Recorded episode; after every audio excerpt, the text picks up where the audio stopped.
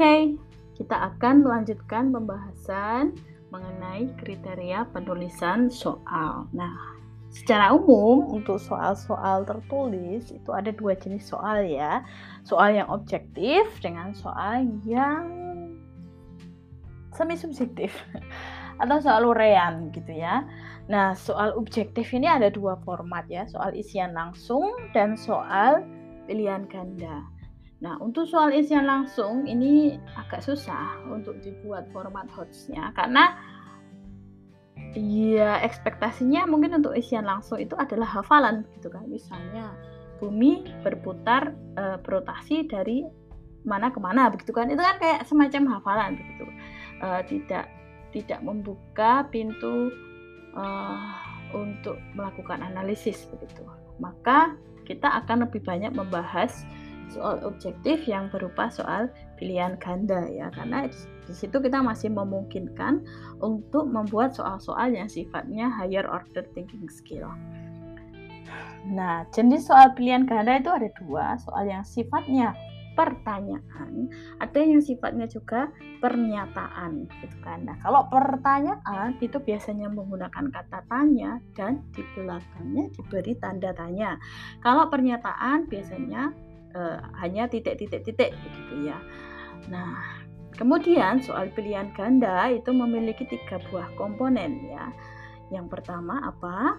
Stimulus. Stimulus itu sifatnya sunnah ya, tidak tidak mesti begitu ya. Tetapi kebanyakan soal memiliki stimulus. Stimulus itu bisa apa? Bisa berupa gambar, bisa berupa paragraf, bisa berupa uh, data, bisa berupa banyak hal ya yang kemudian dari stimulus ini kita minta uh, subjek kita untuk merespon pertanyaan berupa pokok soal. Soal yang kita tuliskan dalam bagian yang namanya stem atau pokok soal. Nah biasanya setelah stimulus itu tadi ada paragraf kah atau ada ada data kah? Di bawahnya kita tulis pertanyaannya. Misalnya berdasarkan gambar di atas uh, posisi manusia dalam rantai makanan adalah misalnya kayak gitu. Atau berdasarkan gambar di atas uh, ketika populasi hiu punah, maka apa yang akan terjadi? Misalnya kayak gitu. Nah, kemudian komponen ketiga adalah opsi jawaban, yaitu A, B, C, D, E. Biasanya uh, untuk level menengah ke atas ya, uh, sekolah menengah ke atas itu sampai E ya. Tetapi untuk level sekolah dasar SD atau SMP gitu ya, itu sampai sampai D gitu. SD untuk SD yang bawah-bawah kelas 1, 2 itu biasanya juga cuma sampai C. Nah, itu disesuaikan uh, dengan umur subjek yang akan kita tes. Nah, di sini di slide 31 ini saya beri contoh gitu ya. Uh, untuk stimulus misalnya, perhatikan iklan berikut, kemudian ada gambar. Dijual sebidang tanah di Bekasi luas 4H, baik untuk industri, telepon, sekian, sekian, sekian. Nah, ini yang disebut stimulusnya. Oke. Okay. Kemudian di bawahnya iklan di atas termasuk jenis iklan bla bla bla. Inilah yang disebut sebagai stem atau pokok soal. Kemudian ada A, B, C, D. Inilah yang disebut sebagai pilihan jawaban atau optionnya. Nah, kemudian untuk menuliskan soal-soal pilihan ganda ada kaidahnya. Ya, yang pertama eh, soal harus sesuai dengan indikator. Jadi kamu lagi bahas apa ya soalmu itu harus sesuai dengan apa yang kamu bahas begitu e, di mata kuliah atau mata pelajaran itu jangan sampai ada soal yang keluar dari pembahasan yang sedang dilakukan oke okay? nah kemudian pengecoh harus berfungsi ya jadi misalnya eh, kamu dalam soal itu kan ada pengecoh untuk mengecoh siswa mengambil jawaban tersebut. Tapi ternyata pengecohnya itu nggak nggak nggak berfungsi gitu ya. Nah itu ya jadi apa? Jadi nggak bagus juga soalmu. Contohnya ini ya, ada soal. Misalnya kita bikin soal bahasa Inggris gitu ya. Di soalnya tertulis begini, Why did Jimmy's mother punish him? Kenapa ibu Jimmy menghukumnya? She bla bla bla between eating. Nah, she bla bla bla between eating itu kan harapannya bla bla bla itu kan diisi dengan verb ya. Verb ya diisi dengan verb dia melakukan sesuatu di antara makan begitu kan nah berarti di sini kita harapkan ABC itu ABCD E itu isinya uh, verb semua gitu tetapi ternyata ada satu pilihan pilihan jawaban yang dia misalnya adjektif gitu kan. Nah itu kan nggak nggak setara begitu kan. Jadi orang udah mikir nggak mungkin ini karena dia secara grammar sudah nggak nyambung begitu. Nah ini yang disebut dengan pengecoh yang tidak berfungsi. Nah kemudian eh, kaidahnya yang ketiga adalah bahwa setiap soal itu harus memiliki satu jawaban yang benar. Jadi tidak boleh uh, ada misalnya dua jawaban atau ada satu jawaban lagi yang ambigu. Ya uh, yang yang ambigu yang se sehingga bi bikin apa ya kayak logis saja milih jawaban itu juga gitu. Atau misalnya kita ada jawaban-jawaban yang di di opsinya itu ada beberapa kata kelompok kata misalnya uh, penulisan kata yang benar adalah ada A, B, C, D, terus di A itu misalnya ada Senin, Sabtu, Februari, November, bla bla bla. Terus di jawaban kita itu itu jawabannya. Terus kemudian Senin kita misal ada satu kata atau dua kata kita gunakan di di uh, di opsi jawaban lain gitu ya. Kalau bisa kunci jawaban itu jangan digunakan untuk pengecoh. Kemudian pokok soal harus dirumuskan dengan tegas ya.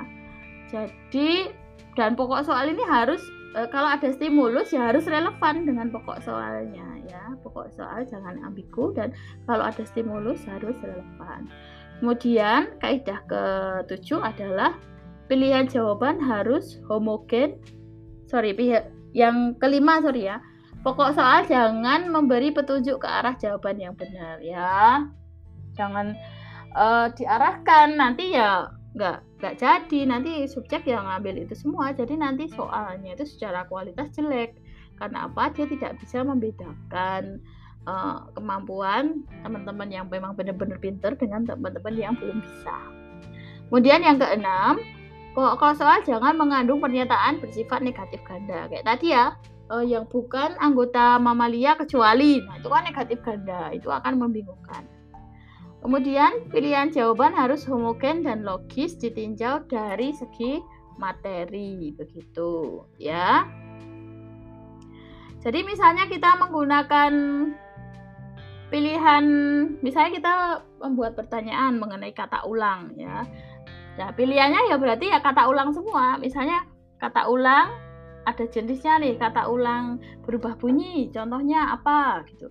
Kita menggunakan pilihan kata ulang tapi ada satu pilihan yang dia bukan kata ulang gitu ya tapi menggunakan kata penghubung.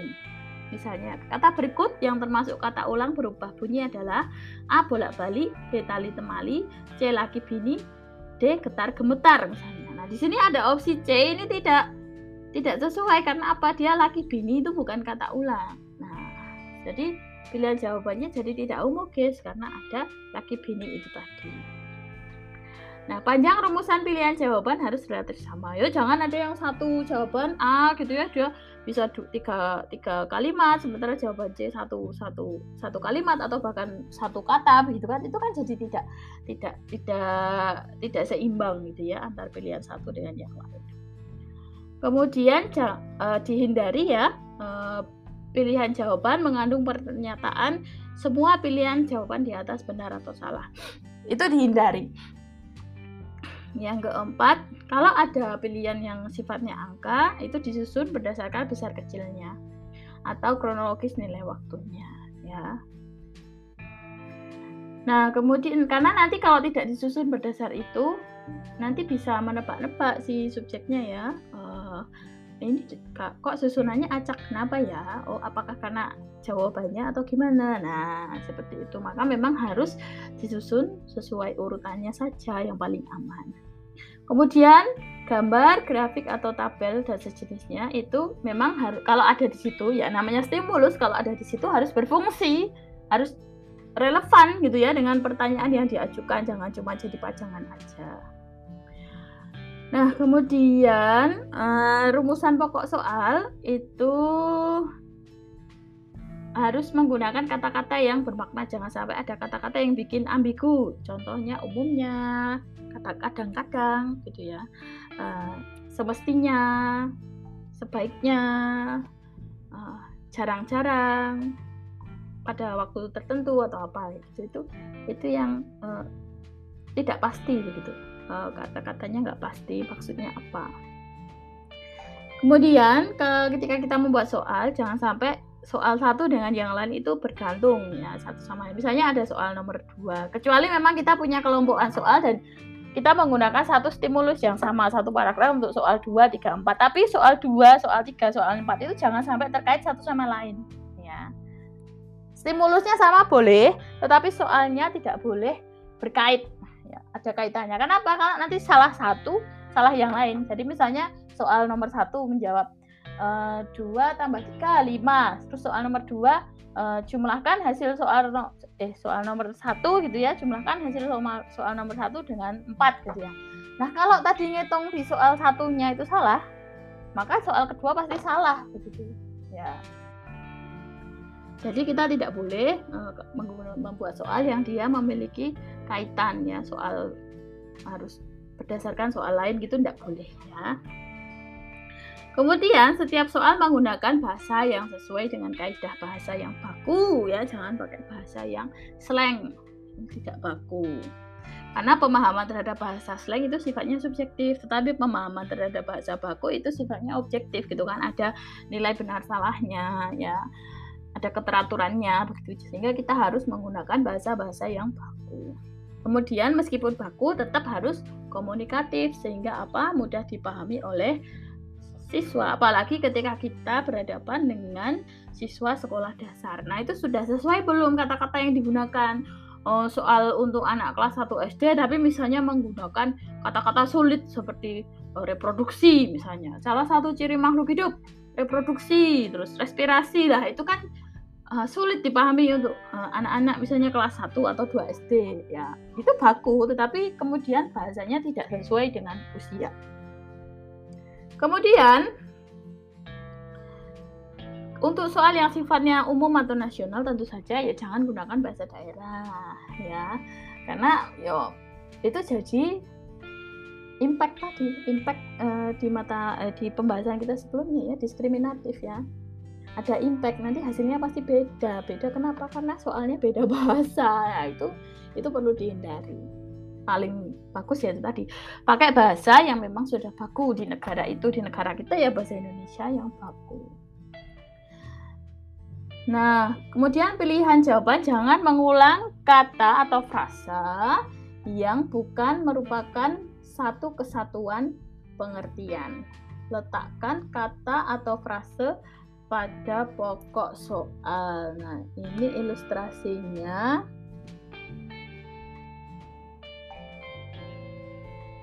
Bentar.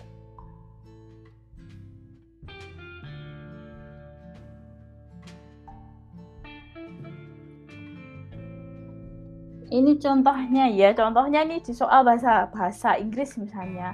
Look, Andy, my uncle is over there. Ini ada stimulusnya. Andy, which is your uncle? Terus, terus tadi yang bilang look Andy itu ya.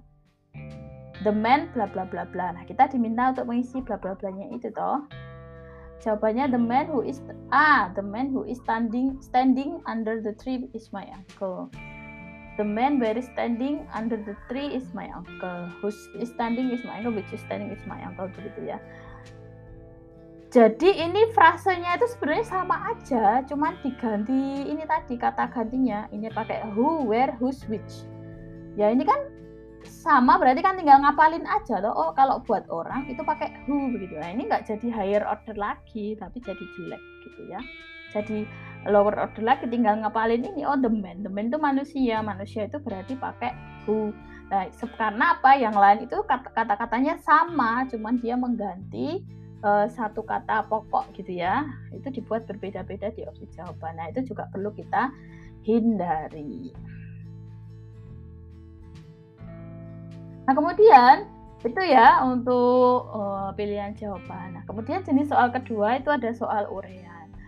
Di soal urean ini kita menuntut siswa atau mahasiswa untuk bisa memberikan analisis, mengorganisasikan gagasan gitu ya. Uh, dari apa sumbernya? Tentu saja dari hal-hal yang sudah dia pelajari sebelumnya. Kemudian kita minta mereka untuk either memecahkan masalah atau mengemukakan gagasan dari hasil analisis gitu ya pada satu paragraf. Ya dalam bentuk tulisan tulisan pada satu paragraf begitu. Nah, kaidahnya seperti apa untuk menulis soal uraian? Tentu saja yang pertama soal harus sesuai dengan indikator ya. Indikatornya apa? Misalnya mampu mengoperasikan. Oh, berarti kita buat soal ya sesuai itu ya, mengoperasikan misalnya hitungan aljabar. Oh, berarti kita buat soal ya uh, isian yang jawabannya itu menuntut siswa untuk mengoperasikan hitungan aljabar. Kemudian Soal yang baik, eh, soal uraian yang baik adalah dia memiliki batasan pertanyaan dan jawaban yang sudah sesuai, sudah ada batasannya begitu ya. E, tidak tidak e, apa ya, tidak tidak terlalu umum begitu. Ya, misalnya mana yang menurutmu lebih baik gitu ya. E, jelaskan sisi negatif kemajuan teknologi pada siswa SMP. Atau ini, jelaskan empat sisi negatif yang diwaspadai dari kemajuan teknologi terhadap bangsa kita yang berasaskan kekeluargaan.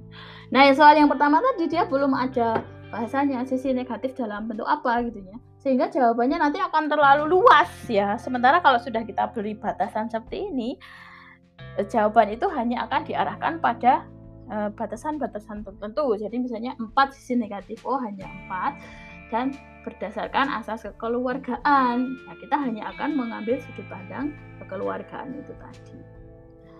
Nah, kemudian materi yang ditanyakan harus sesuai dengan tujuan pengukuran. Jelas ya, jangan sampai melenceng dari tujuan pengukuran.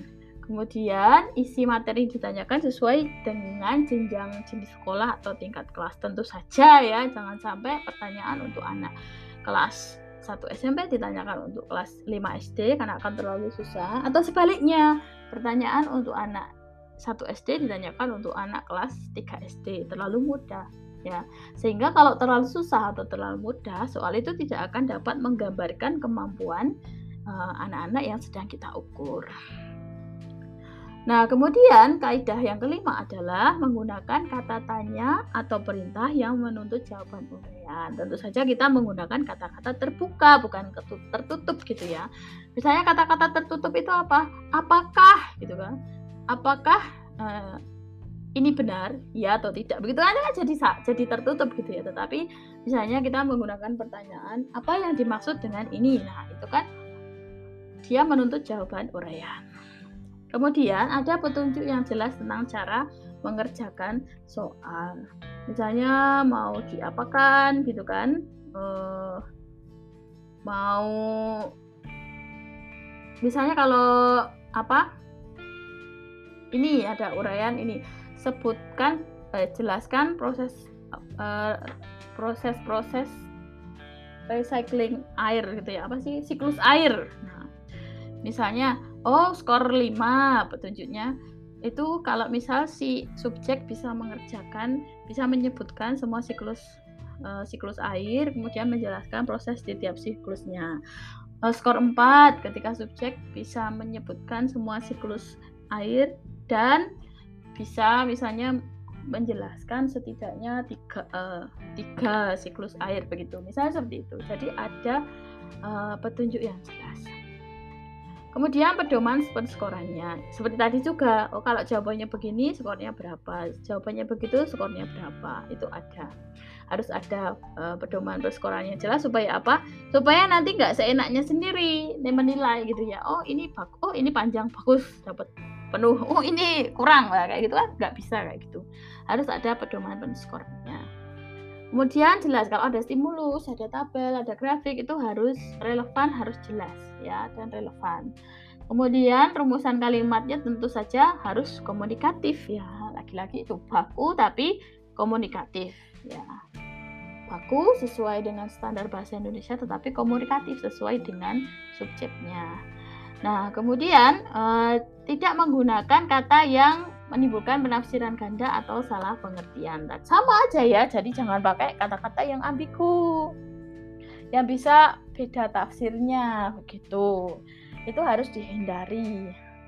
Kemudian tidak menggunakan bahasa yang berlaku setempat abu atau kalau misalnya dalam konteks keilmuan dalam perguruan tinggi misalnya tidak menggunakan jargon. Jadi jargon itu adalah kata-kata yang hanya dipahami oleh kelompok tertentu. Nah, itu juga perlu dihindari karena kalau ada orang tapi tidak berasal dari kelompok tertentu itu ya dia nggak akan tahu artinya apa. Nah, kemudian rumusan soal jangan sampai mengandung kata atau ungkapan yang menyinggung perasaan siswa. Jadi misalnya menggunakan istilah yang menyinggung kelompok etnis tertentu misalnya kita misalnya mengilustrasikan uh, kelompok perbedaan etnis gitu ya. Terus kita menyebut kelompok kulit hitam itu sebagai negro. Nah, padahal negro ini kata terlarang, kata yang sangat istilahnya apa ya? Uh, kayak ya kayak F word gitu kan. Jadi dia menyinggung gitu ya. Kalau diucapkan secara langsung di hadapan orang kulit hitam itu akan menyinggung. Maka kita harus uh, betul-betul memahami subjek kita siapa. Terus uh, kita menggunakan berhati-hati dalam menggunakan kata-kata apa yang di, di, digunakan. Nah mungkin itu saja penjelasan dari saya. Jika ada pertanyaan, silakan kita bisa langsung mendiskusi, mendiskusikannya bersama di uh, di grup WhatsApp-nya. Terima kasih. Assalamualaikum warahmatullahi wabarakatuh.